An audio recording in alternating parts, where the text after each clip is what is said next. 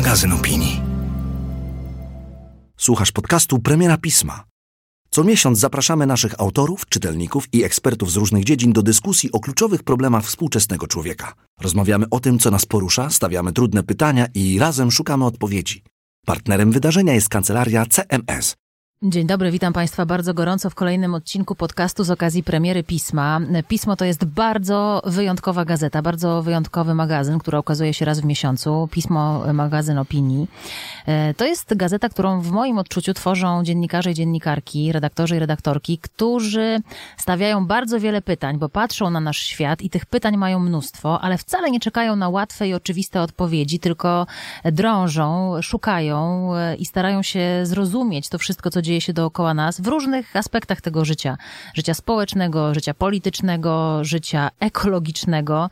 Chociaż ja chyba coraz mniej lubię to określenie ekologiczne, bo ono jest jakieś takie obok a to jest po prostu nasze życie codzienne w zgodzie z ziemią, której jesteśmy użytkownikami, coraz bardziej chyba e, atakującymi to nasze otoczenie. Temu tematowi mm, poświęcony jest szczególnie czerwcowy numer pisma, a jak Państwo doskonale wiedzą, premiery pisma zawsze kręcą się wokół takiego głównego tematu e, numeru. Ja nazywam się Justyna Dżbik-Kluge, jestem dziennikarką zaprzyjaźnioną z pismem i mam przyjemność prowadzić e, ten podcast dla Państwa. A ponieważ spotykamy się przy święcie, bo tak się składa, że nagrywamy ten podcast, ten odcinek w Dniu Matki, co też nie będzie bez znaczenia dla rozmowy, która za chwilę, to chcę Państwu powiedzieć o takim małym prezencie, który przygotowało dla Państwa pismo. Otóż dla słuchaczy premiery pisma jest taki specjalny rabat, kod rabatowy e, związany z prenumerowaniem e, tego magazynu. Taką roczną prenumeratą można sobie wejść na stronę e, pismową, tam wpisać kod premiera, magazynpismo.pl, kośnik prenumerata, no i mieć taki prezent, myślę, bardzo przyjemny, jeżeli różne opinie i różne sposoby patrzenia na świat Państwa interesują. To teraz jak to jest z tą Matką Ziemią? O tym będziemy dzisiaj rozmawiać z bardzo zacnymi gośćmi e, w dwóch różnych częściach, no po części świata, ale również Polski. Ze mną w studiu człowiek, który kiedy go zobaczyłam, to zobaczyłam te wszystkie miejsca, w których on był, e, które wziął gdzieś w tę w te swoją soczewkę, bo autor doskonałych reportaży, tekstów, rozmów w tych reportażach. E, w ramach soczewki pisma poświęconej ziemi, poświęconej klimatowi, poświęconej ekologii, przyrodzie, naturze. Tomasz Ulanowski, dziennikarz naukowy Gazety Wyborczej, ale nie tylko, autor książek bardzo poczytnych, bardzo ciekawych, opowieści właśnie o tym, kim my w ogóle jesteśmy, e, tłumacz, e, specjalista od przyrody, od biologii, znawca, wielbiciel tego, co zielone i człowiek, który mówi nie bez powodu potrafimy wskazać tyle odcieni zieleni, ale szkoda, że o tej naszej zieloności zapominamy. Tomku, dzień dobry. Dzień dobry. Wszystko się zgadza? Yy, Jezu, mam nadzieję. mam nadzieję. A z nami na łączach e, w swoim magicznym studiu w jeszcze bardziej magicznym Białymstoku E, człowiek, który kiedy e, wymienialiśmy się mailami przed tą e, premierą, napisał: Znam wszystkich uczestników tego spotkania. Ja nie wiem, Paweł, kogo ty nie znasz, jeśli chodzi o tematykę związaną właśnie z przyrodą, z ekologią, z naturą, z dbaniem o to nasze zielone otoczenie. Paweł Średziński, dziennikarz, miłośnik przyrody, aktywista. Swoją przygodę z ochroną zwierząt zaczynałeś, nie wiem, gdzieś w zamierzchłych latach dziewięćdziesiątych. Jesteś autorem różnych książek. Jesteś też wielbicielem czy znawcą Afryki, ale jesteś autorem książki o Syrii Syrii, ale ta, która w, książka, która się w kontekście naszego spotkania gdzieś tam znajduje i ta najnowsza to książka napisana wspólnie z Piotrem Dąbrowskim, czyli Łoś, opowieści o gapiszonach z nad Biebrzy, Biebrza, Puszcza Białowieska. Nie ma takiej puszczy w Polsce i Parku Narodowego, którego byś nie znał z każdego drzewa. Paweł Średziński, doktor Paweł Średziński. Chyba, chyba, chyba takie miejsca są, których dobrze nie znam. Natomiast rzeczywiście w najbliższym czasie ukaże się y, książka kolejna poświęcona największemu kompleksowi leśnemu zwartemu w Polsce Puszczy Knyszyńskiej, która jest Ach, puszczą mojego dzieciństwa.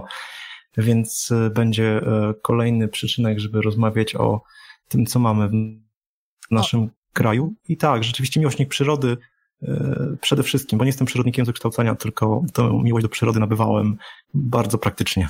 No to przede wszystkim ja cię też e, odbieram jako takiego aktywistę. No jeżeli są ludzie w Polsce, którzy od lat, od dawna mówią o tym, co dzisiaj wydaje się takie oczywiste, kiedyś to był taki głos wołającego na puszczy, dzisiaj mam nadzieję, że to coraz częściej jest jednak głos trafiający do, do wielu, to ty jesteś jedną z takich osób. Słuchajcie, to opogadajmy trochę o tej matce, Tomek. No nie o matce każdej z nas, znaczy nie, o matce każdej, każdego z nas, jak tutaj sobie jesteśmy, czyli Dzień Matki, Matka Ziemia, jest takie powiedzenie, że szczęśliwa e, mama, szczęśliwe dzieci, czy ta nasza Matka Ziemia, Tomek, jest szczęśliwa? No, trzeba by ją zapytać. Ja, y, ja nie wiem, czy to jest taka matka, bo y, Sławoj Żyżek na przykład twierdzi, że to wstrętna sucz, a nie matka, bo, bo, bo ona nas cały czas recyklinguje i to jest y, coś, o czym my w ogóle nie myślimy, że, że, że ta materia, która w nas jest, to w zasadzie nie jest w ogóle nasza materia, tylko to jest materia, która należy do Ziemi. Obiegu ziemia, zamkniętego. Tak? tak jest, obieg zamknięty. No, czasem coś tam ucieka poza Ziemię, ale to jest naprawdę niedużo.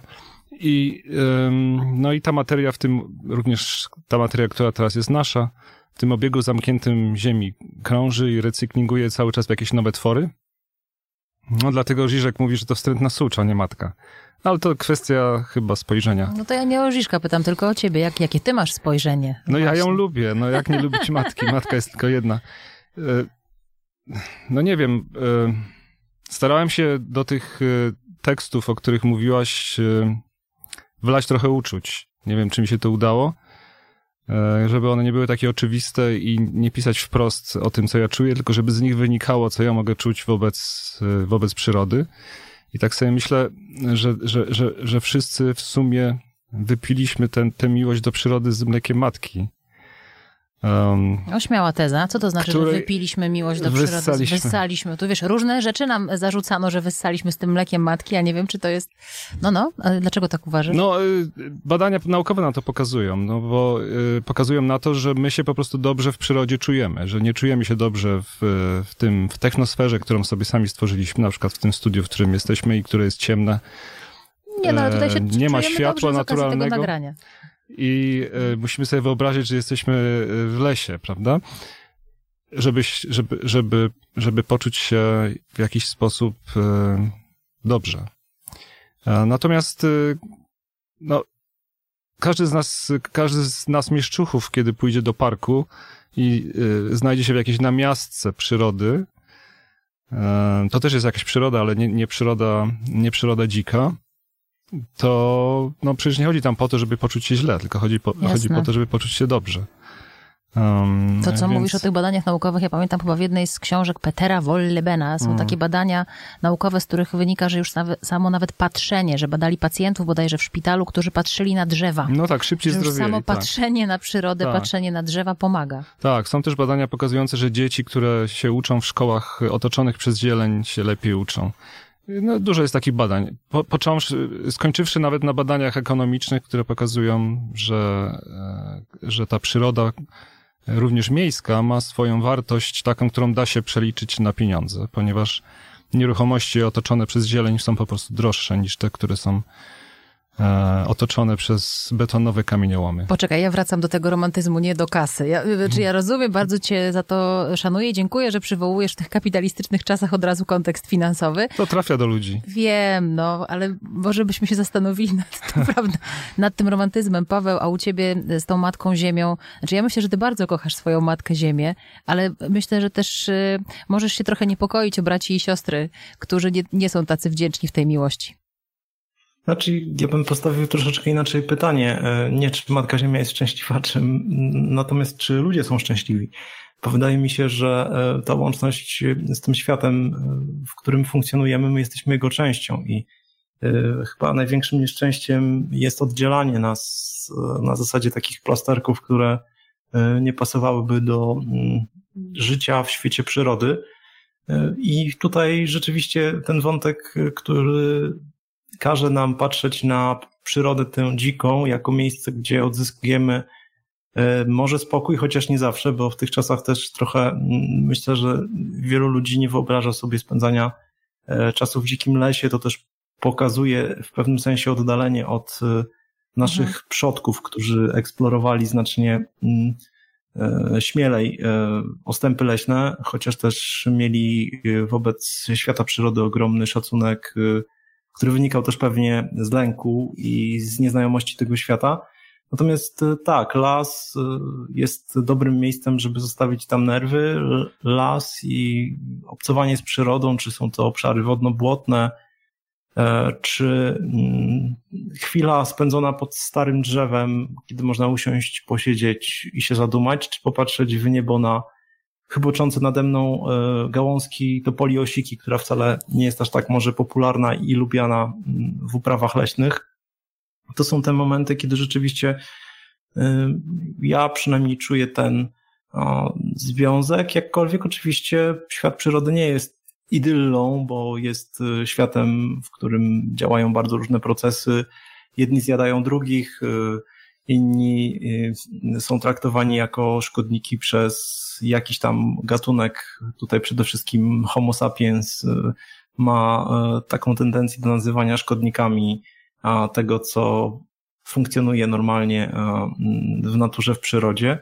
I tutaj rzeczywiście to jest ta matka, która w pewnym sensie jest naszym domem, jest też takim miejscem na mapie życia, bo też nazwałbym Ziemię miejscem hmm. w tym momencie, ale też z drugiej strony kojarzy mi się z takimi ramionami, które potrafią w takich miejscach, gdzie rzeczywiście, jeżeli mamy tą taką w sobie uważność i, i wrażliwość, a ją się wyrabia właśnie przez kontakt z przyrodą i to rzeczywiście wśród młodych ludzi jest niezwykle istotne i teraz jak patrzymy sobie na, na te trendy, które pokazują, że jednak mniej czasu spędzamy poza monitorem, poza smartfonem, to to rzeczywiście nie, nie, nie uwrażliwia na pewne elementy, a, a rzeczywiście ta przyroda jest niezwykle istotna E, żeby ją poznawać już od e, najmłodszych lat, zaznajamiać się z nią.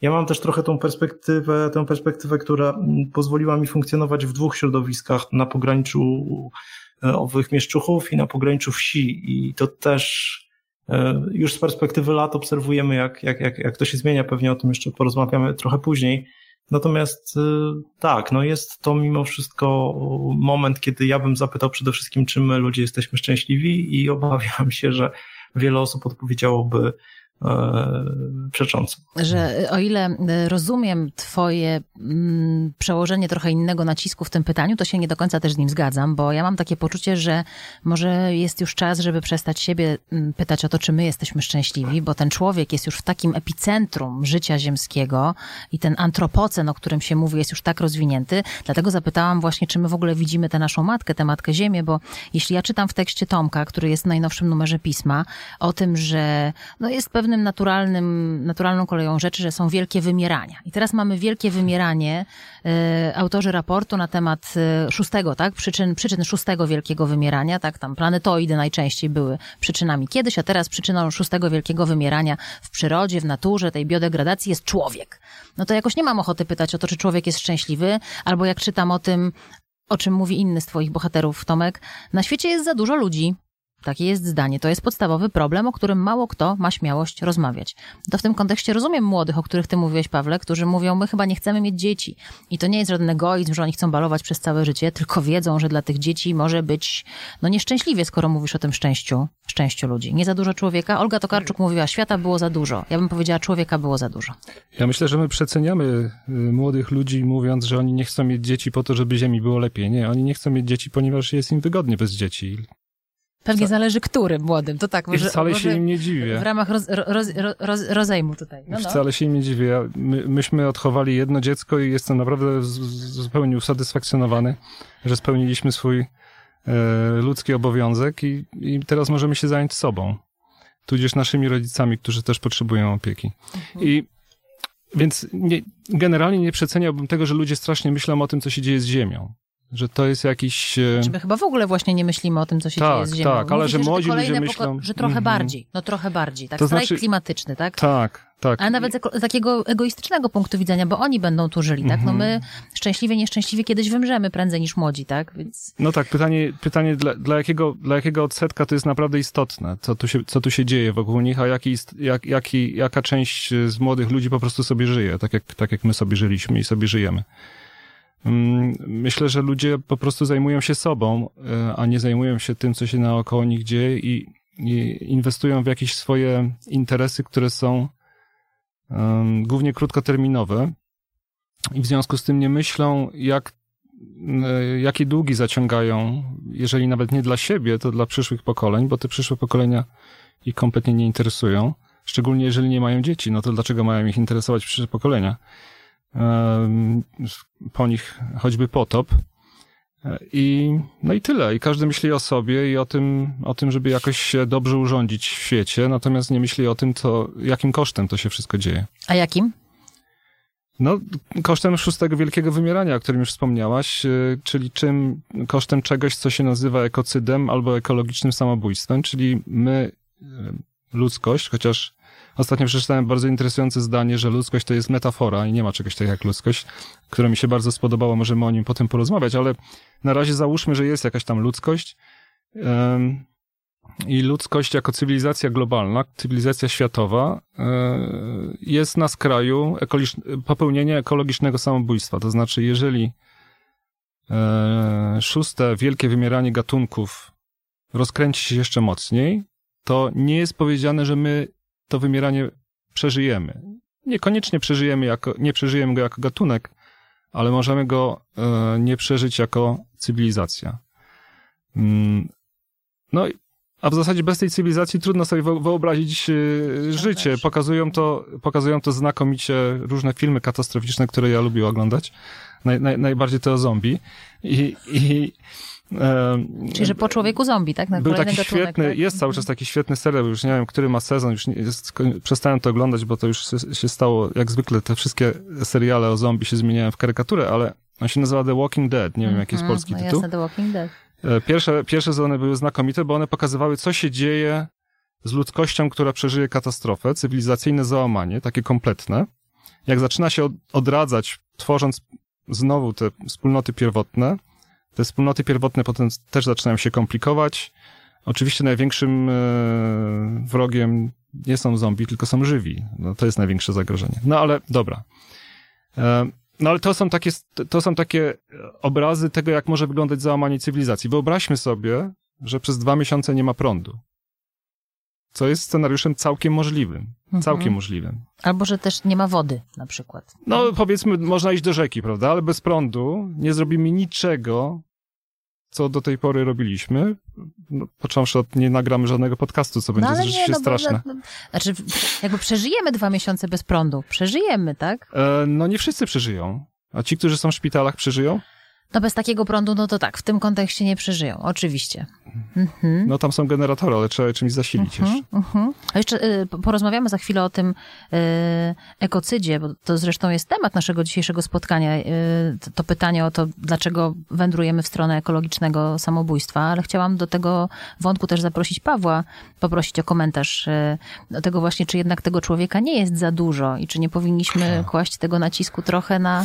Znaczy nie mówię, żeby ludzi wybijać, nie, nie, nie, to żeby ktoś mnie źle nie zrozumiał, ale że jednak ten nacisk może warto położyć. I też wiesz, Paweł, ciebie bym zapytała o to, o czym też trochę Tomek pisze w swoim tekście i mówią jego goście, że od lat 90., w latach 90. pisaliśmy w magazynie Nature, że jest taka sytuacja, że jest niebezpiecznie, że wymierają gatunki, że po prostu to jest taki głos wołającego na puszczy. Nawet dzisiaj e, państwa nie dostrzegają konieczności jakiejś zmiany e, energetycznej, gospodarki i nie tylko. Ludzie tego nie dostrzegają. Cały czas nam się wydaje, że to nas nie dotyczy.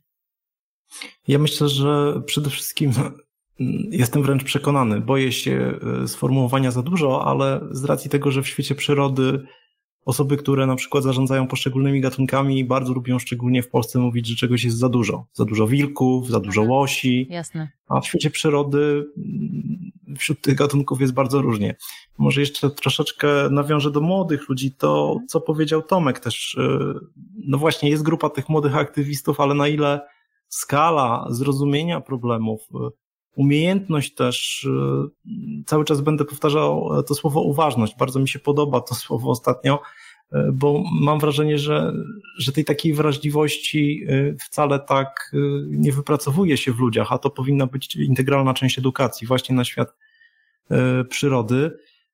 I cóż, nie wiem, czy te filmy katastroficzne staną się takim pełnym, finalnym scenariuszem, który zrealizujemy już teraz, nasze pokolenie. Natomiast widzimy objawy niepokojące na całej Ziemi.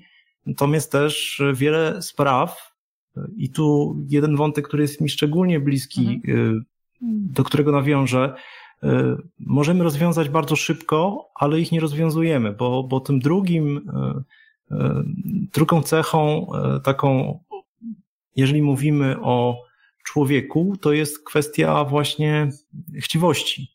E, pewnej chciwości i e, nieumiarkowania w, w pewnym funkcjonowaniu w tym, w tym świecie e, i, i korzystania z zasobów. I takim prostym przykładem jest kwestia trofeów łowieckich z gatunków, które są wpisane, objęte konwencją waszyngtońską. I okazuje się nagle, że Unia Europejska, tak światły twór, jest drugim największym importerem trofeów łowieckich z lwów, słoni, Boże. nosorożców. Trofeów, które są pozyskiwane w rezultacie polowań, mhm. polowania, za które płaci się ogromne pieniądze i ten proceder kwitnie. Można, otrzymując specjalne zezwolenie, zapolować na słonia. Ostatnio głośna sprawa w Botswanie, kiedy dwa najbardziej dorodne, najbardziej okazałe, najbardziej doświadczone osobniki słoni za około 80 tysięcy dolarów zostały sprzedane myśliwym spoza Afryki. O, I e, to są rzeczy, które można by było załatwić prawem krajowym i niektóre państwa w Europie właśnie już idą w tą stronę. Wielka Brytania chyba będzie zresztą najbardziej takim mm, pionierskim krajem, bo zamierzasz e, trofea łowieckie z 7 tysięcy gatunków e, zakazać ich importu do, do Wielkiej Brytanii, ile to się uda. Takie są już oficjalne zapowiedzi brytyjskiego rządu. Natomiast rzeczywiście to jest taka prosta rzecz, którą można by było zrobić jednym krokiem. W Polsce, nie wiem, wiceminister Siarka mógłby podpisać jednego dnia, okej, okay, skreślamy. Nosorożców nie, nie ściągamy do Polski, bo wiemy na przykład, że w ubiegłym roku okazało się, że działa grupa przestępcza, w którą byli zaangażowani mm -hmm. również myśliwi, mm. którzy przywozili rogi nosorożca, które potem upłyniali na rynek azjatycki już w sposób nielegalny. I i to, że nie potrafimy zrezygnować, że jest takie ogromne lobby, jest taki opór e, e, do opisywania do tego ideologii, że to pomaga chronić e, populację, że ta selekcja, że to jednocześnie podobno wspiera lokalne społeczności, co jest też bardzo tak, dyskusyjne tak. w zależności od kraju, to pokazuje, jak bardzo jest, coś poszło nie tak z ludźmi, mm -hmm. bo to, ta ludzkość to takie słowo trochę galaktyczne trochę mi się z Gwiezdnymi Wojnami bardziej kojarzy z jakimiś co, światami. Bardzo zabawne no to... jest to, że ty jesteś, nie jesteś z nami w studiu, natomiast myśmy przed wejściem do studia rozmawiali o łowiectwie, o myśliwych, e, więc ten wątek pojawił się w rozmowie, jakoś wiesz, porozumienie myśli tutaj musiało nastąpić, wprawdzie nie w kontekście takim światowym, e, tylko polskim, ale muszę wam powiedzieć jedno, że ja właściwie nie przygotowałam się na to, że ja się zawsze staram być taką poważną dziennikarką, a w tym temacie nie umiem, bo mnie to bardzo wkurza wszystko i doprowadza mnie do szału, bo ja akurat, tak jak mówiłeś Tomek, ja wyssałam z mlekiem matki miłość do przyrody. Moi rodzice są absolutnymi po prostu fanatykami lasu. Mhm. Moja mama zna na pamięć książkę Pawła o łosiu mhm. i po prostu potrafi ją w nocy o północy cytować. Ale jak gdybym nie była człowiekiem, w sensie częścią tego gatunku, to bym mówiła, wybijcie nas, po prostu my jesteśmy najgorszym ogniwem w tym momencie. Naprawdę, nie byłoby żal. I chciałam was zapytać, bo pomyślałam sobie o, takim, o takiej jednej rzeczy przed tą rozmową. My sobie bez Ziemi nie poradzimy, ale Ziemia bez nas? Wspaniale. No, e, Ziemia sobie poradzi świetnie bez nas i sobie radziła przecież nieraz... E, może by wreszcie odetchnęła, nie? Przez e, prawie 4,5 miliarda lat sobie radziła, radziła bez nas, więc czemu miałaby sobie nie, nie poradzić później bez nas? Pewno sobie poradzi. Ja jeszcze bym chciał wrócić do tego, co Paweł powiedział, bo to jest bardzo charakterystyczny przykład. Te słonie, nosorożce, lwy. Jeżeli my nie potrafimy ochronić tak charyzmatycznych gatunków, to, to w jaki sposób mamy chronić owady, które są równie ważne jeżeli nie ważniejsze dla e, biosfery niż, e, niż nosorożce. Mm, no, one nie są w ogóle postrzegane przez e, chyba nik, prawie nikogo, kogo znam, jako, jako, jako coś, co jest w ogóle ważne, warte ochrony. Wystarczy obejrzeć istotne. taki film dokumentalny o pszczołach. Oczywiście, że teraz... No dobrze, ale pszczoły to jest taki widzisz... banał. Dlaczego banał? No od czegoś trzeba zacząć. No, to no, też jest element trzeba zacząć, tak, no tak, ale... I widzisz Chińczyków, którzy sam, zapylają no tak, sami te kwiaty. Film, widziałem. No, no, no. No tak, ale nie chodzi o zapalanie kwiatu, bo tylko chodzi o, o, o coś ważniejszego nawet, moim zdaniem, czyli o, o, o przetwarzanie całej martwej materii, które to przetwarzanie zaczyna się od owadów, prawda? Jeżeli te, te owady, które są takimi grabarzami, nie wprowadzą ponownie naszego, naszych e, martwych ciał do, do obiegu materii w przyrodzie, to ten obieg po prostu się zatrzyma. Jeżeli obieg materii w przyrodzie się zatrzyma, to się życie zatrzyma, bo, bo, bo życie funkcjonuje dzięki wymianie energii poprzez materię pomiędzy różnymi organizmami. I dlatego wszyscy się nawzajem zjadają i dlatego nie ma nic złego w jedzeniu mięsa. Paweł? Myślę, że możemy tutaj o jedzeniu i jedzeniu mięsa dyskutować długo. Zastanawiałam się, do którego wątku z tego, ja, się pojawił, ja od Paweł się lat, odniesie. Od kilku lat y, nie jem y, mięsa, mięsa z ssaków i ptaków. Y, świadomie podjąłem tę decyzję, natomiast nie jestem takim totalnym niejedzącym białka zwierzęcego, bo jem też nabiał. Zdarza mi się zjeść ryby.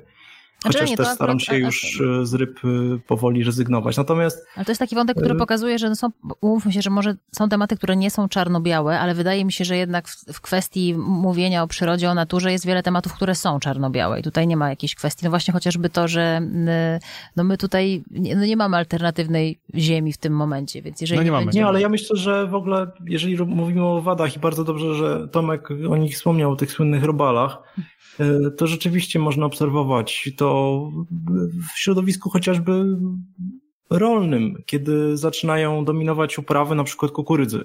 Kukurydza, uprawa kukurydzy jest właściwie pustynią gatunkową. Mhm. Jak rozmawiałem, e, pracując nad książką o Puszczy Knyszyńskiej, przy okazji rozmawialiśmy tam jeszcze o badaniach e, z doktorem habilitowanym Karolem Zubem z Białowieży.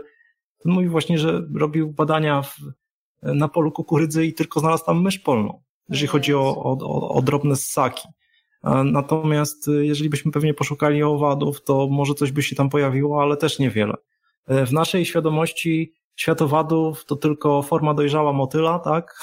To najładniejsza, komary, która komary. trwa często najkrócej. No teraz, y, chyba kleszcze, tak? To, to Kle, kleszcze to nie owady. Nie są owady. O, dziękuję, właśnie chciałam, mówiłam tak. z taką niepewnością, bo zastanawiałam się, czy... Natomiast już abstrahując od, od, od nieowadów, które padły przed chwilą, to, to też właśnie nie, nie dostrzegamy pewnych, pewnych, pewnych ale to jest jeszcze, zależności, ale... które są w mhm. świecie przyrody i też e, to, jak po prostu traktujemy ten świat przyrody. Jeżeli e, działkowicz czy posiadacz balkonu e, z uporem maniaka oblewa mszyce, oblewa inne owady różnymi chemicznymi specyfikami, które przynosi z marketu, a potem w większej skali y, to robią y, bardzo często właściciele mhm. upraw rolnych, bo to polewanie upraw y, chemią jest herbicydami, insektycydami jest mocne. W lasach też z tego co słyszymy, również w Polsce stosuje się wielkoobszarowe opryski wysoko toksycznymi substancjami, które nie są obojętne. To nie jest tak, że coś działa selektywnie, że tylko chrabąszcz majowy padnie. Na inne też gatunki to będzie oddziaływać łącznie z człowiekiem. I tutaj rzeczywiście jest, jest duży problem. Nawet we wspólnotach mieszkaniowych e, w różnych miastach e, wiszą ogłoszenia czasami tego dnia na placu zabaw będzie oprysk, oprysk. takim i takim środkiem. Tak, Prosimy tak. nie wychodzić. Zabijamy mrówki. Tak, zabijamy to, co żyje no wokół tak. nas. No więc, więc nie, potrafimy, nie potrafimy ochronić słoni, E, w ogóle nie myślimy o wadach, natomiast nie mamy w ogóle pojęcia, e, co się dzieje jeszcze głębiej, czyli w mikroświecie, czyli w mikroorganizmach, których, jak szacują naukowcy, gatunków mikroorganizmów jest kilkanaście miliardów. My w ogóle ich nie znamy. Nie znamy. Wiemy tylko, że jak zaczerpniemy łyżeczkę ziemi, to, to, to w tej glebie dzieje. będzie mhm. dużo więcej mikrobów niż jest ludzi na świecie.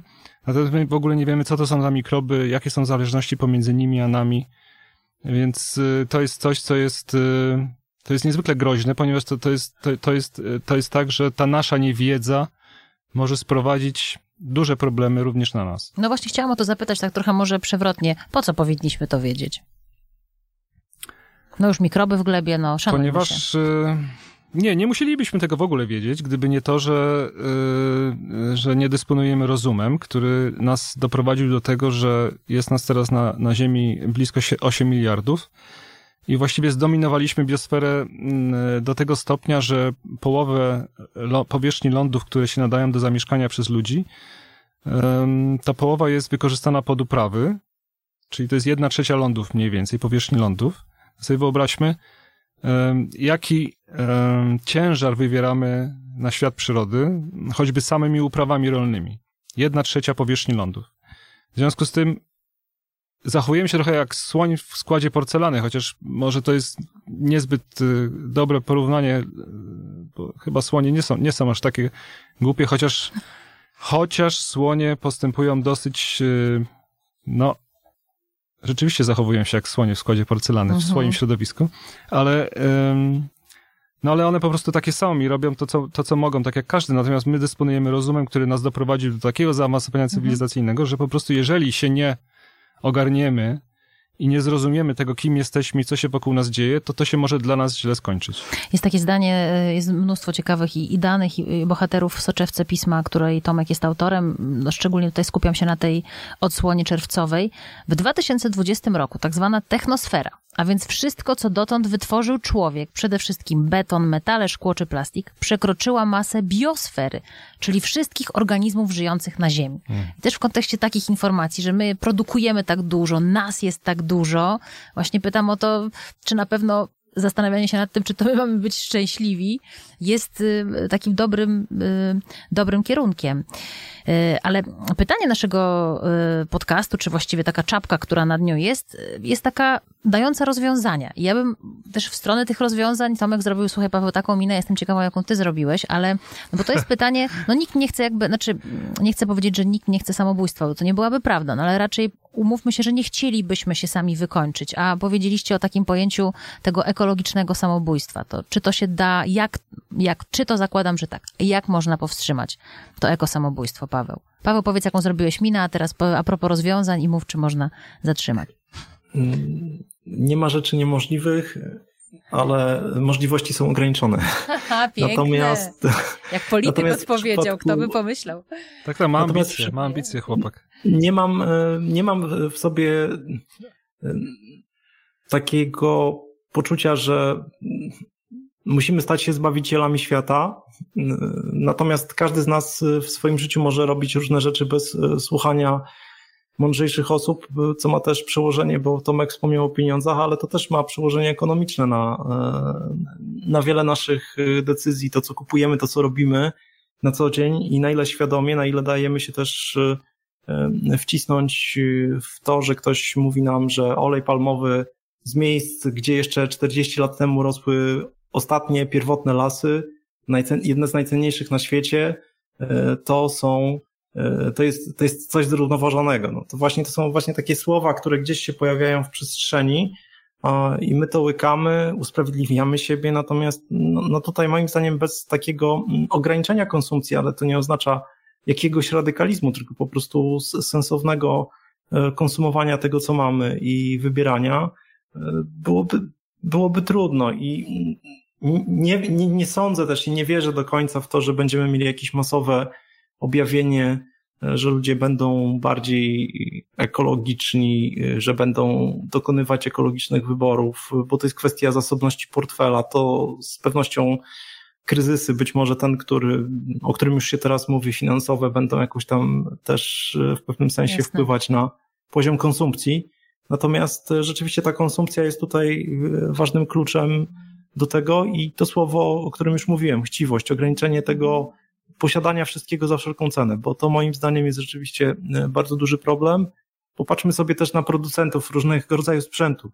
E, jeżeli chodzi o e, telefony komórkowe, o inny sprzęt. I to niestety napędzają też ci, którzy potem dystrybuują ten sprzęt. Nie będę tutaj reklamował telefonii komórkowej, która do mnie wydzwaniała, e, zarzekając się, że może tylko na przykład coś przekazać, ale trzeba też jednocześnie, jest to wymóg kupić jakiś dodatkowy sprzęt, mm, dodatkowy tak, gadżet. Klasyk, to klasyk, to po prostu. My się tym zapychamy. Kup więcej, kup więcej. Ja staram się na przykład telefony komórkowe jak najrzadziej wymieniać i to mhm. jest też taka zasada, której, której się trzymam. Z komputerami na przykład miałem o tyle szczęścia dużo, że zawsze gdzieś ktoś znalazł się, kto jeszcze chciał kupić tego dziadka, na którym pracowałem ileś lat, e, bądź na części, bądź... Sprzedałeś dziadka. Bądź, do wymiany.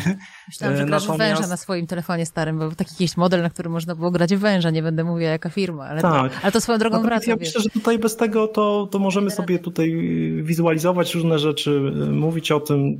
To też nie są takie oczywiste, oczywiste sprawy, bo, bo też rozmawiamy o energetyce, mówi się tutaj hmm. dużo o odnawialnych źródłach energii, ale ja wcale y, na przykład nie jestem y, przeciwnikiem energetyki jądrowej, tak, która już budzi i rozpala do czerwoności mhm. pewnie część osób.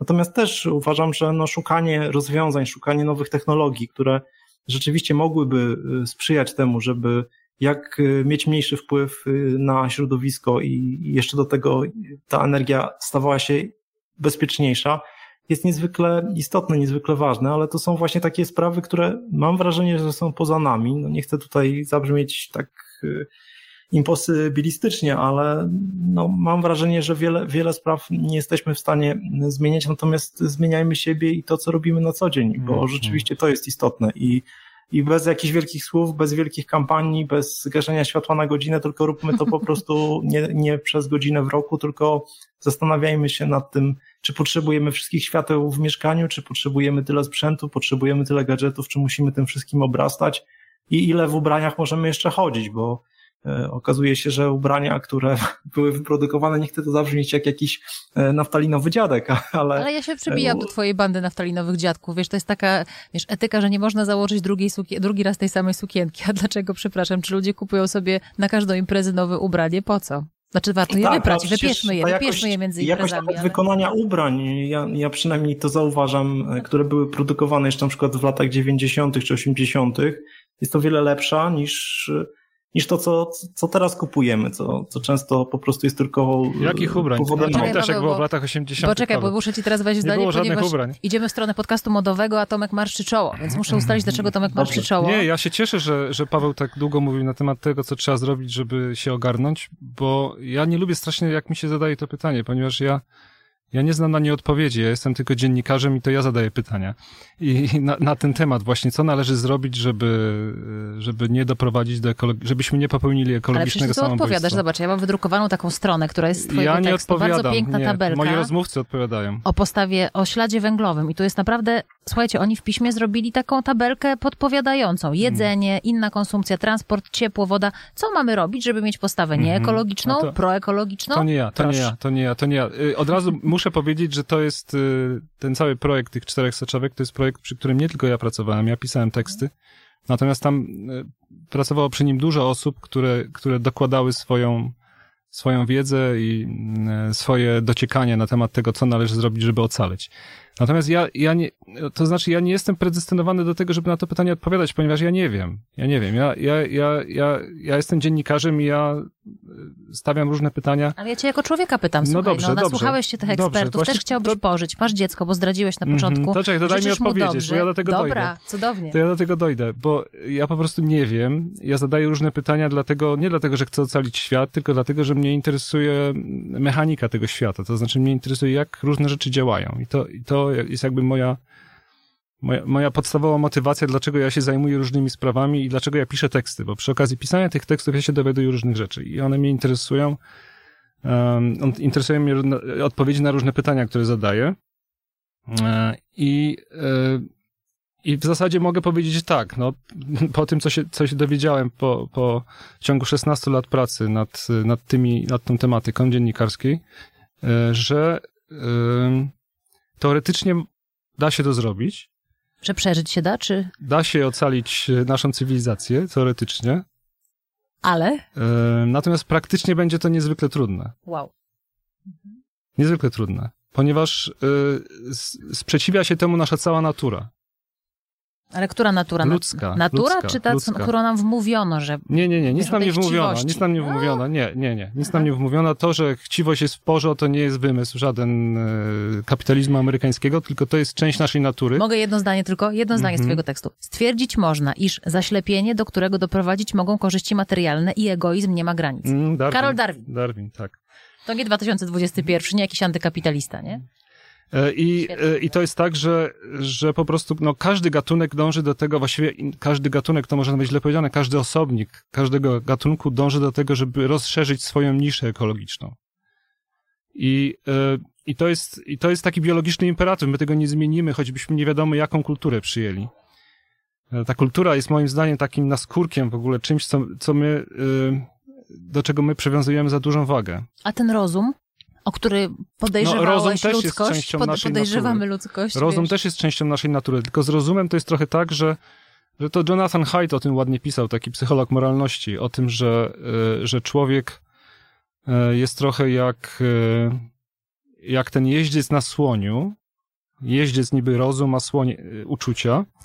I wydaje mi się, że to on kontroluje słonia, podczas gdy jest zupełnie odwrotnie, to, to, to słoń kontroluje, czyli uczucia kontrolują Jeźdźca. To, co jeźdźca, to, co my kontrolują naszym zachowaniem, E, natomiast my sobie potem racjonalizujemy, ten rozum wykorzystujemy do tego, żeby sobie zracjonalizować, że coś zrobiliśmy dlatego, że a, taki mieliśmy plan. No to jest oczywiście bzdura.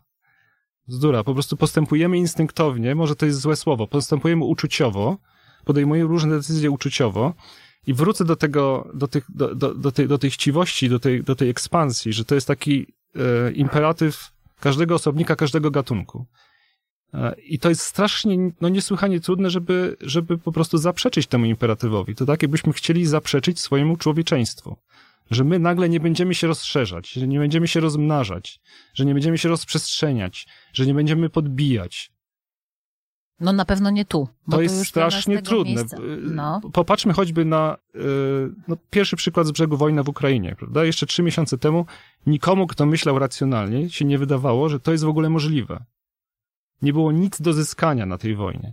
I nagle ona wybuchła, prawda? Bo po prostu Władimir Putin, jak ten skorpion przewożony przez, przez żabę, przez rzekę, nie mógł się powstrzymać. Ale wiesz, że ona, ta wojna nie wybuchła teraz, tylko dwa, dawno? Dobrze, ale mówię, no dobrze, oczywiście, ale mówię całości. o pewnej eskalacji, prawda? Że, że po prostu my się nie potrafimy powstrzymać. I teraz, czy to, to, to, będzie niesłychanie trudne. Będziemy musieli sobie narzucić jakieś straszne wędzidło. No, ale jakie? No żeby, właśnie, żeby co się powstrzymać. sobie narzucić? Więc to, że Paweł Śledziński będzie zmieniał telefony raz na pięć lat, niczego nie zmieni, nie, oczywiście. Nie można tak mówić. Paweł będzie szczęśliwy i będzie się czuł ale dobrze i to jest Pawłów. wartość. Pawłów, oczywiście, jeżeli będzie pięciu takich Pawłów, a nie jeden, to lepiej. tysięcy. Tylko my musimy, my musimy sprawić, żeby takich Pawłów, którzy, którzy kupują, sprzedają tego dziadka nieszczęsnego po, po 10 latach, żeby ich nie, żeby nie było 5 czy 10 czy, czy 100 tysięcy, tylko żeby ich było 8 miliardów. Jeżeli, hmm? my nie, jeżeli nie zostaną wprowadzone zmiany systemowe, które spowodują, że ludzie będą żyli troszeczkę oszczędniej, że mhm. będą się samoograniczać w różny sposób, prawda? Bo my się na przykład możemy samoograniczyć tak, że ograniczymy swoją własną konsumpcję. E, ten podatek VAT, który tak wszyscy krytykują, że on ograniczy, kons ogranicza konsumpcję i to jest strasznie złe dla, dla gospodarki. No, przecież to jest zbawienie, on powinien być wyższy. To znaczy, ja bym po prostu zadławił gospodarkę, prawda? Dlatego e, wszyscy ekonomiści mnie przeklną i politycy, ale no, my konsumujemy za dużo i bez sensu.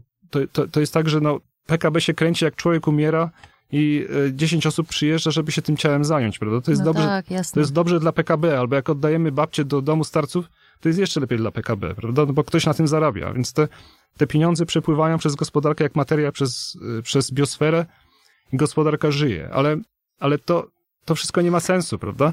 Z punktu widzenia biologicznego. Natomiast, yy, więc potrzebne są zmiany systemowe. No, one, one oczywiście się same nie wprowadzą. Kto się no, musi, oczywiście.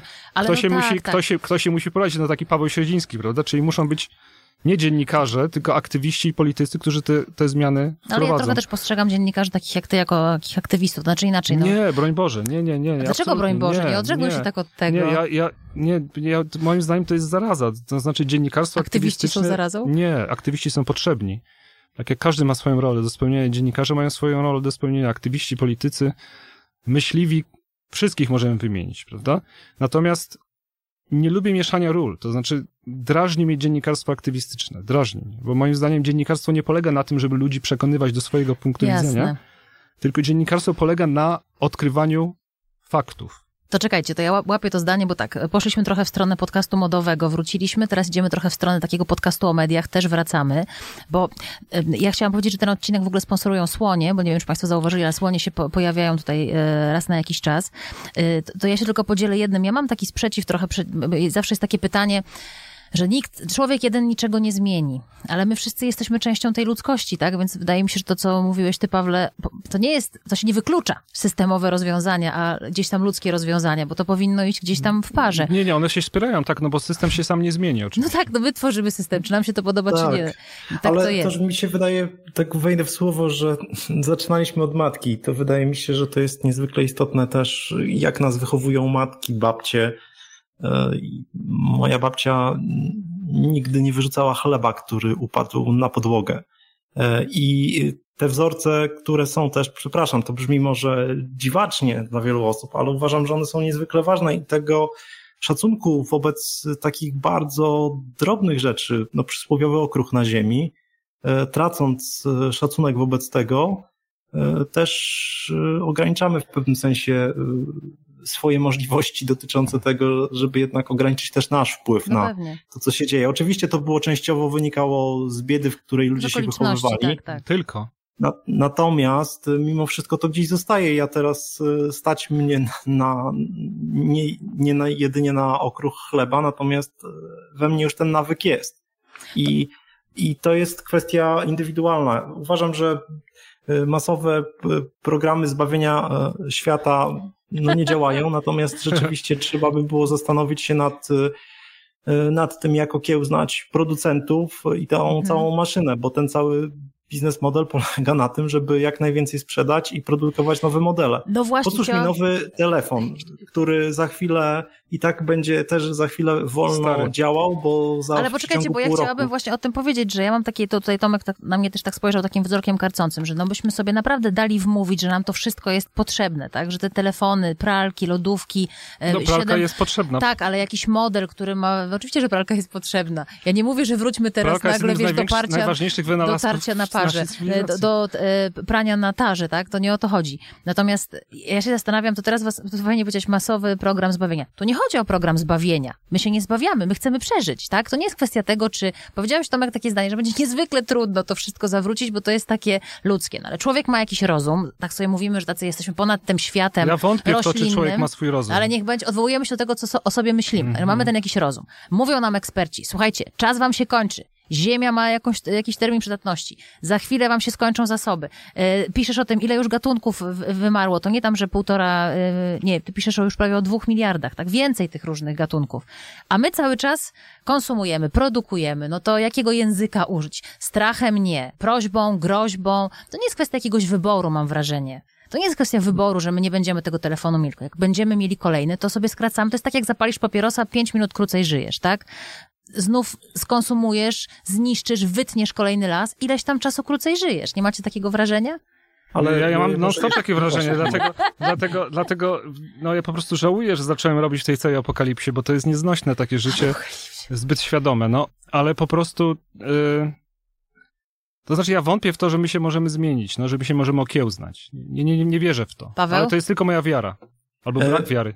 Moim zdaniem też jest jeszcze jedna rzecz, o której warto pamiętać i jakoś e, myślę, że ona często nam ucieka, ale e, pamiętajmy, że w czasach Cesarstwa Rzymskiego też nastąpił czas zarazy, czas e, klęsk, czas klimatycznych ekstremów i one też powodowały modelowanie ludzkości, to jak wyglądało to wszystko ludzkość właśnie, ale mam tutaj na myśli bardziej społeczeństwo określonego tworu państwowego.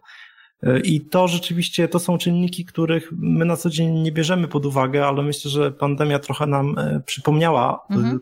Takim była zimnym kubłem wody, e, który pokazuje, że nie jesteśmy omnimo, omnimopotentni, że nie będziemy w stanie e, przejąć tego wszystkiego tak, jakbyśmy chcieli, że to wszystko się będzie i tak wymykać naszym planom. Ja żyję z taką świadomością i to, to pozwala bardzo no, dobrze żyć i funkcjonować, bo e, nie, nie łudzę się tym, że, że, że, że idziemy w stronę jakiejś wiecznej szczęśliwości, bo, bo tego stanu nie ma.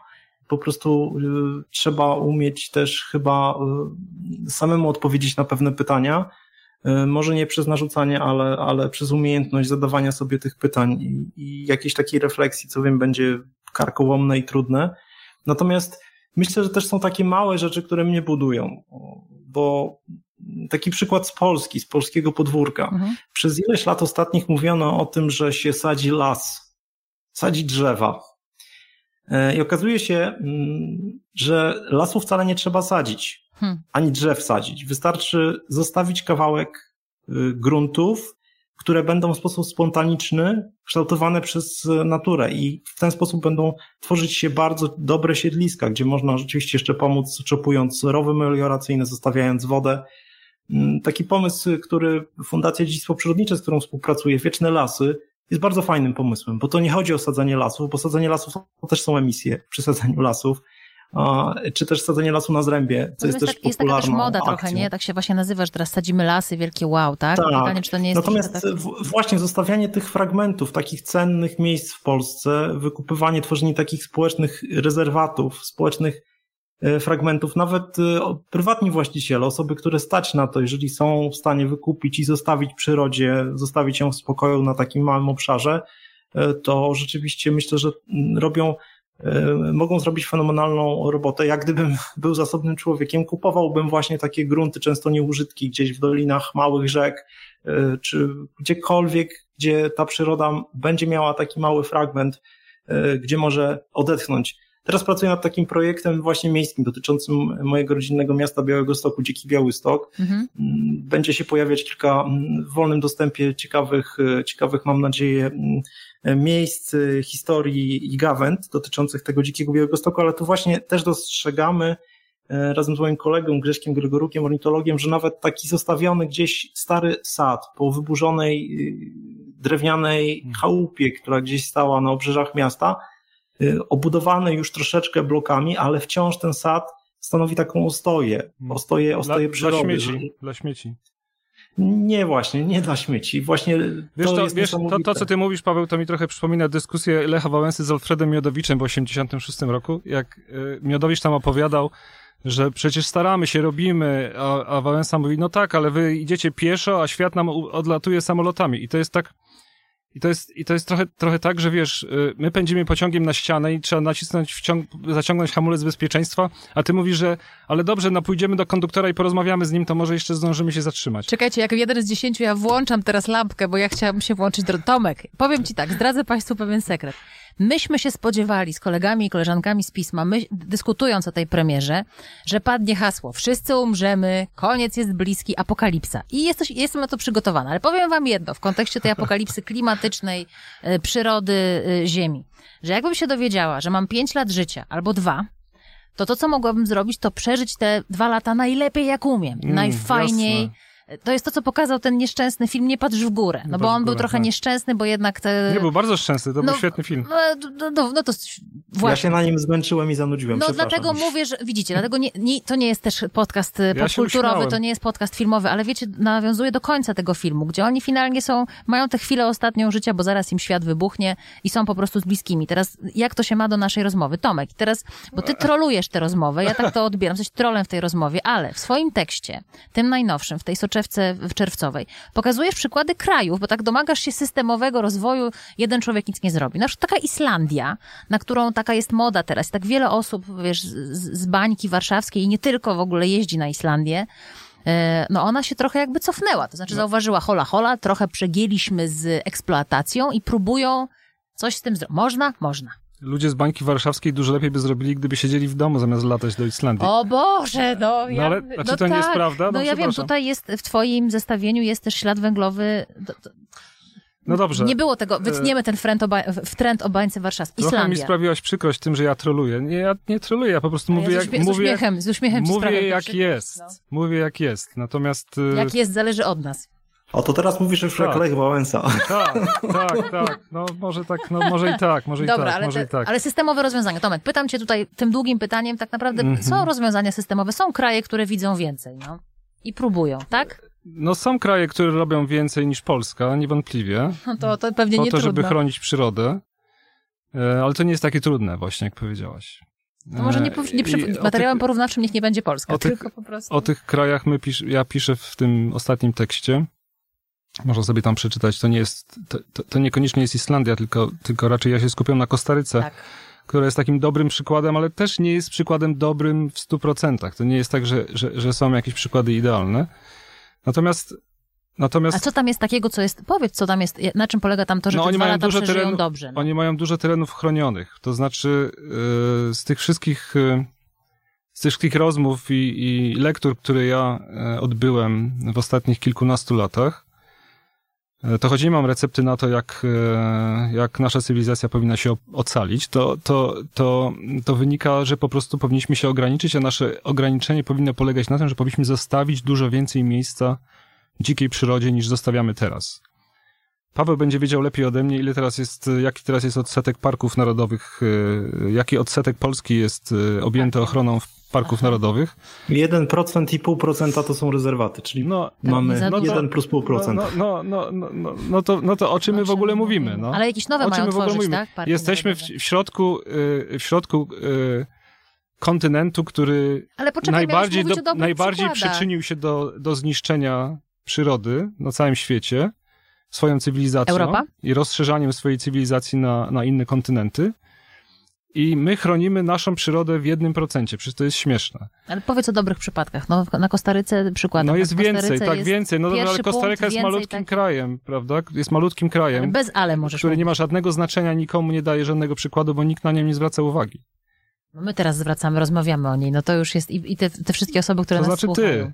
Ale dobrze. No, Ale ty w swoim tekście, to ty zacząłeś. No tak, no ja, ja, ja, ja, ja o niej napisałem, ponieważ... A co David Attenborough, tak? Ponieważ David Attenborough ją podał jako, jako taki pozytywny przykład, a cała soczewka Ziemia, pisma jest jakby fact-checkingiem tego, co David Attenborough poopowiadał w swoim filmie Życie na naszej planecie, gdzie trzy czwarte filmu dotyczyło katastrofy, którą myśmy spodobali, a końcówka dotyczyła tego, jak można robić dobrze I my jakby fakt czekujemy tę ostatnią część, to znaczy, to znaczy mhm. sprawdzamy, czy, e, czy on rzeczywiście ma rację. No i w wielu przypadkach się dramatycznie pomylił, na przykład w przypadku Holandii.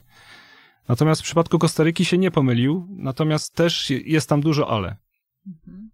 I Kostaryka rzeczywiście chroni, e, chroni swoją przyrodę w porównaniu z Polską znakomicie, natomiast to jest tak, że oni też doszli do ściany, to znaczy i cofnęli się spod tej ściany. Po prostu potrafili zaciągnąć ten hamulec bezpieczeństwa, ponieważ w ostatnich 70 latach, właściwie nie, inaczej, yy, od połowy XX wieku do lat 80. praktycznie wyrżnęli tak dużo swoich, swoich naturalnych lasów, że zorientowali się, że to jest, no, że to jest droga, że to jest droga samobójcza i zaczęli te lasy chronić i zaczęli płacić farmerom i rolnikom i hodowcom bydła e, za, za, to, żeby, żeby tak? pozwalali tak? tym mm -hmm. swoim terenom zdziczeć z powrotem. To mhm. znaczy, no to o czym Paweł mówi, o To znaczy dzikości. najpierw utracili, już nie pamiętam tych dokładnych procentów, ale utracili około dwóch trzecich swoich lasów, a potem dwie trzecie z tych dwóch trzecich ponownie odbudowali. Także da się oczywiście, to mhm. zrobić, tylko trzeba podjąć taką decyzję. No albo na przykład zawczasu nie wycinać, to a propos wycinania no, ale lasów. To wszyscy myślę... już zrobili, to wszyscy już mhm. zrobili. Ci, którzy jeszcze tego do niedawna nie zrobili, to zrobili to w ostatnich 20 latach, prawda? Tak. Czyli Indonezja, którą, o której Paweł mówił, nie wymieniając jej z imienia, a, a która jest największym eksporterem oleju palmowego na świecie. Paweł? Ale z drugiej strony mamy też w Polsce chociażby lasy w Karpatach, które nie muszą być wycinane, a są wycinane. Dokładnie, przecież I mamy po prostu to się lasy... nie opłaca nawet z punktu widzenia ekonomicznego, ale system tak działa, że są wycinane, natomiast y, dlatego mówiłem o tej dzikości, o oddawaniu tych skrawków, bo one są niezwykle ważne, nawet w przestrzeni miejskiej. Y, może tam będą nieopatrznie ludzie rzucać śmieci, natomiast mimo wszystko im więcej takich miejsc, tym lepiej mówienie w ogóle o ochronie gatunkowej w Polsce. Jeżeli ktoś mówi, że ratuje jakiś gatunek, a mówi mi jednocześnie, że nic nie robi z tym siedliskiem, w którym ten gatunek występuje, bo gatunek bez siedliska nie będzie funkcjonował, no to tutaj w tym momencie, no to się mija z celem. My możemy sobie wrzucać kolejne tysiące, dziesiątki tysięcy, miliony na różne reintrodukcje, ale kiedy las e, jest Nie ma lasu, lasem, rysi, nie będzie rysi, oczywiście. Tak, albo w przypadku chociażby dużych kuraków, tak, które no właściwie no, tam jest kilka różnych czynników, no ale te lasy też nie, już nie są takie głuszcowe jak kiedyś. I to są właśnie takie różne pomysły, przy okazji których na przykład y, ofiarą dostaje po głowie, ofiarą staje się borsuk, jeden z moich ulubionych mhm. gatunków, mm. Który wcale tej zależności między ochroną i przetrwaniem głuszca, a zabijaniem borsuka wcale myślę, że tak łatwo y, nie można jej ustalić, natomiast w ramach projektów finansuje się chociażby zabijanie, eliminowanie innych gatunków. To trochę wszystko jest postawione na głowie i żadnych dobrych recept takich na teraz nie ma, poza moim zdaniem tym, żeby rzeczywiście oddawać, pozwalać dziczeć wielu miejscom i to już nie mówię też chociażby o, o łąkach kwietnych, bo to jest dyskusyjne, natomiast żeby zostawić Aha. chociażby te gatunki, które naturalnie występują na przydrożach, czyli cykoria podróżnik, z której ja do dziś piję kawę, hmm. Uwielbiam ją, uwielbiam. Czy też, czy też, czy też wiesiołek, tak, który potem zimą jest doskonałą spiżarnią dla wielu ptaków, mam taką możliwość, żeby zostawiać takie łany wiesiołka hmm. na jednej z łąk i tam co roku potem obserwuję mm, dziesiątki szczegółów i innych gatunków, które po prostu na tym żerują.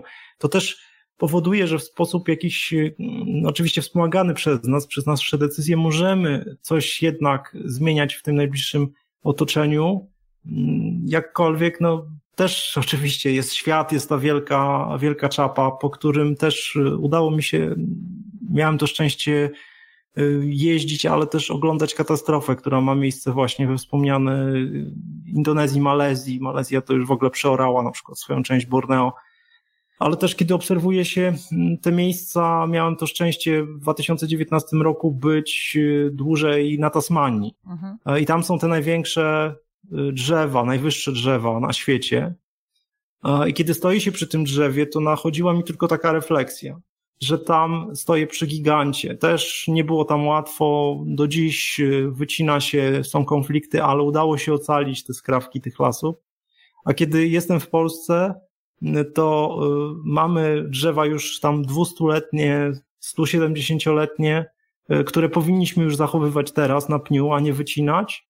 I y, tutaj właściwie trwa boksowanie, przyciąganie się, mówienie, czy to tak powinno być, że to coś jest zrównoważone, że taki jest plan i tak dalej. Nie zostawiamy tych takich fragmentów, które są bardzo ważne w przyrodzie i wydaje mi się, że ta cała idea zostawienia 10% terytoriów tak. krajów e, położonych w Unii Europejskiej, przyrodzie, jest niezwykle istotna, a poszedłbym dalej. 10% lasów w Polsce powinno być wyłączonych z takiej typowej gospodarki, a oddane ludziom.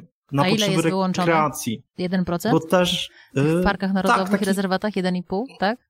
Tak, więc.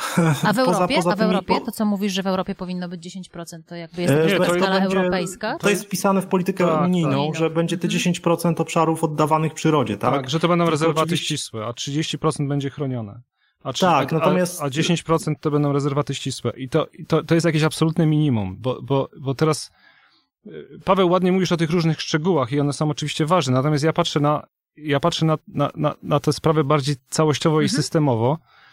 To znaczy, jeżeli my y, musimy kompletnie odwrócić jakby y, y, kierunki naszego natarcia, to znaczy, co, co teraz uważamy za najważniejsze, jeżeli chodzi o kraj? Wzrost produktu krajowego brutto, prawda? To jest to, każdy się martwi tym, politycy, o PKB, tak? Jaki ekonomiści, jest. żeby mhm. PKB rosło, bo bez tego, bez tego uważamy, że się nasze, nasze społeczeństwo posypie. Natomiast to jest jakby absolutny priorytet wszystkich, prawda? żeby PKB rosło. Jak PKB tylko troszeczkę wzrost, tylko troszeczkę spada, to od razu jest strach, że ach, wpadniemy w recesję i co to będzie. No ja nie wiem, no, czy, czy, czy na przykład 10 lat temu żyliśmy tak źle, żebyśmy się nie mogli cofnąć do tego, co było 10 lat temu. A co powinno być za, zamiast tego priorytetu? Priorytetem no, ochrona przyrody. To jest jakby bez przyrody nie ma żadnej gospodarki. Bez przyrody nie ma gospodarki. A co to jest ochrona przyrody? 10 minimum procent przyrody nienaruszonej na terenie kraju, tak? Co nie, jeszcze? no teraz się mówi o tym, żeby w zasadzie zostawić połowę powierzchni lądów, połowę oceanu zostawić dzikiej przyrodzie. Jak dokładnie to zrobimy, to jest sprawa do dyskusji oczywiście, ale Ale to że... zapytam dla kolegi, to będziecie, przy, to, to, czy nie przy, będziecie no, to, tak. się przesiedlać, nie wiem, ludzi gdzieś? No, przykład... no i właśnie teraz no, jest pytanie, czyją, czyją połowę mamy oddać, prawda? No, czyją połowę mamy jasne. oddać? No to, to po prostu to są rzeczy... pytanie o szczęśliwość to są, człowieka, To są, to są rzeczy, od, to są pytania, od których nie uciekniemy. Mhm. Bo, bo y, no przecież, no, znaczy co to znaczy, że mamy oddać połowę Polski dzikiej przyrodzie? I no gdzie, właśnie, co to Gdzie ci ludzie mają wszyscy się przenieść, którzy już tutaj są? Ale te, przepraszam, te 10% lasów w Polsce można by było bez wyłączyć. Bez problemu, oczywiście, bez i, problemu. I dać, dać ludziom. Ja jestem na przykład y, zwolennikiem strefowania. Bardzo fajna koncepcja opracowana wcześniej przez profesorów Kowalczyka, Jaroszewicza i Wysołowskiego. Strefowanie. Mhm. Mówiąc o strefowaniu chociażby w parkach narodowych nowych, żeby przełamać ten opór, że na tych obszarach parków mielibyśmy wyraźne strefowanie, że nie tylko jest ścisła i zakazy, ale są obszary te nowe parków, w których można poruszać się swobodnie, bo też e, naprawdę e, większość społeczeństwa, tego najbardziej powiedzmy nieśmiecącego i problematycznego, ona porusza się drogami. Jeżeli w danym miejscu nie ma dróg, to też e, niewiele osób będzie się pchało w głąb lasu, w, w ten gąszcz, gdzie są w sezonie letnim komary, gryzące muchy, Pewno, żeby tam zrobić bałagan. My powinniśmy też otworzyć takie możliwości, zostawić właśnie mm, takie miejsca, może nie nazywać tego parkami narodowymi, może nazwać to w jakiś inny sposób, czy lasem rekreacyjnym, czy lasem, e, czy takim rezerwatem turystycznym. W latach 60. był w ogóle mm, bardzo była fajna debata dotycząca Bieszczadów i, i tego, jak mhm. udostępnić ten obszar. E, wtedy jeszcze te rozmowy o parku były na innym etapie i ten park też się poszerzał. E, natomiast rzeczywiście jest to, myślę, że, że ważne, żebyśmy też na to spoglądali całościowo i też rozmawiali, bo oczywiście będą tutaj różne interesy, natomiast też na przykład w przypadku parków narodowych mamy sytuację patową. Nawet po zmianach, które teraz są zapowiadane, nie odblokujemy tworzenia nowych parków, bo wciąż jest to samorządowe weto, bo wciąż e, bo też z tymi samorządami przez te mhm. ileś Paweł... lat nie rozmawiano, tak? tak? Tak, bo Paweł mówi o czymś, o czym może nie wszyscy słuchacze wiedzą, że po prostu w Polsce od nie wiem ilu Paweł lat, 20, 30 nie powstał od, żaden... No tak, od ponad 20 no, lat nie można tworzyć parku Nie powstał żaden nowy park narodowy, w związku z tym cały czas tak. jesteśmy z tym, z tym jednym procentem powierzchni Polski tak. objętej ochroną parków narodowych. Ale same parki też, no to, to, to też musi być kompleksowa Y, reforma, myślenie, bo to są kwestie kadry, kwestie wynagradzania w parków, które są no mizerne. Na czym polega ta ochrona? Systemowe. To znowu ta kwestia, kwestia, kwestia motywacji. To są, to są rzeczy, o których powinniśmy pamiętać. To jest, to wszystko jest trochę jak związki na Facebooku, tak? Taki status tam bodajże. Nie wiem, czy jest to skomplikowane. Teraz, nie, nie wiem, czy nie skasowali. To skomplikowane. Znaczy to wiele takich, to Natomiast... mówię, to niewiele jest tych rzeczy takich czarno-białych, to oczywiste, no. Ale, no ale tak, ale nie ma w ogóle tej są, dyskusji, no. prawda? Bo dyskusja dotyczy tego, czy wzrośnie nam PKB o 1%, czy o, czy o 2%, czy spadek o pół punktu procentowego, to nie jest coś strasznego. Zamykamy klamrowo twoją wypowiedź, która była uzupełniona o wypowiedź Pawła w tym momencie, czyli żeby zamienić ten punkt y, nacisku, tak? No nie, nie dyskusję z tego PKB, ale właśnie na dyskusję, ile mamy, jaki mamy procent tej dzikości, która nam gwarantuje przetrwanie, może tak powiem, jako gatunkowi. No tak, no, no, no, no, przyroda bez gospodarki sobie y, poradzi, natomiast gospodarka bez przyrody sobie nie poradzi. To jest tak proste.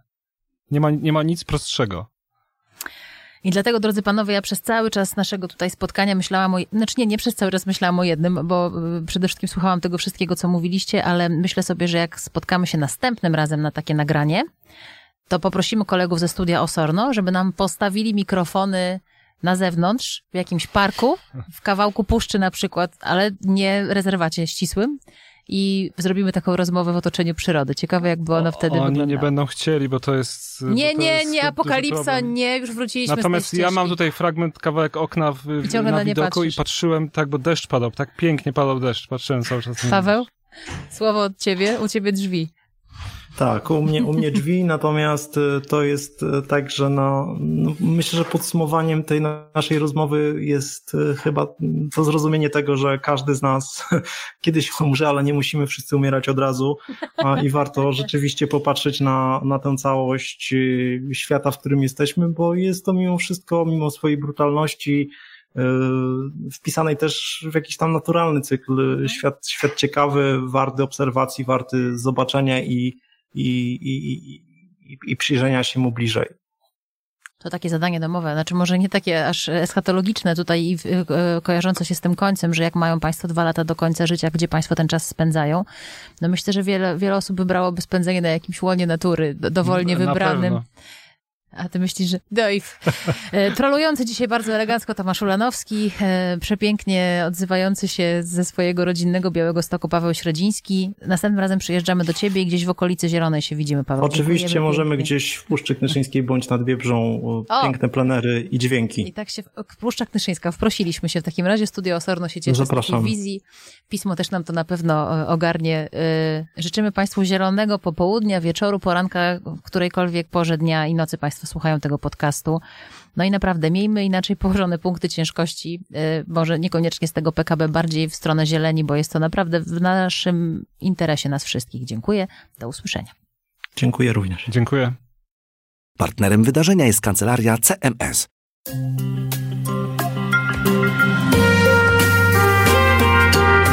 Pismo. Magazyn opinii. Więcej materiałów znajdziesz na stronie miesięcznika Pismo, magazyn opinii pod adresem magazynpismo.pl.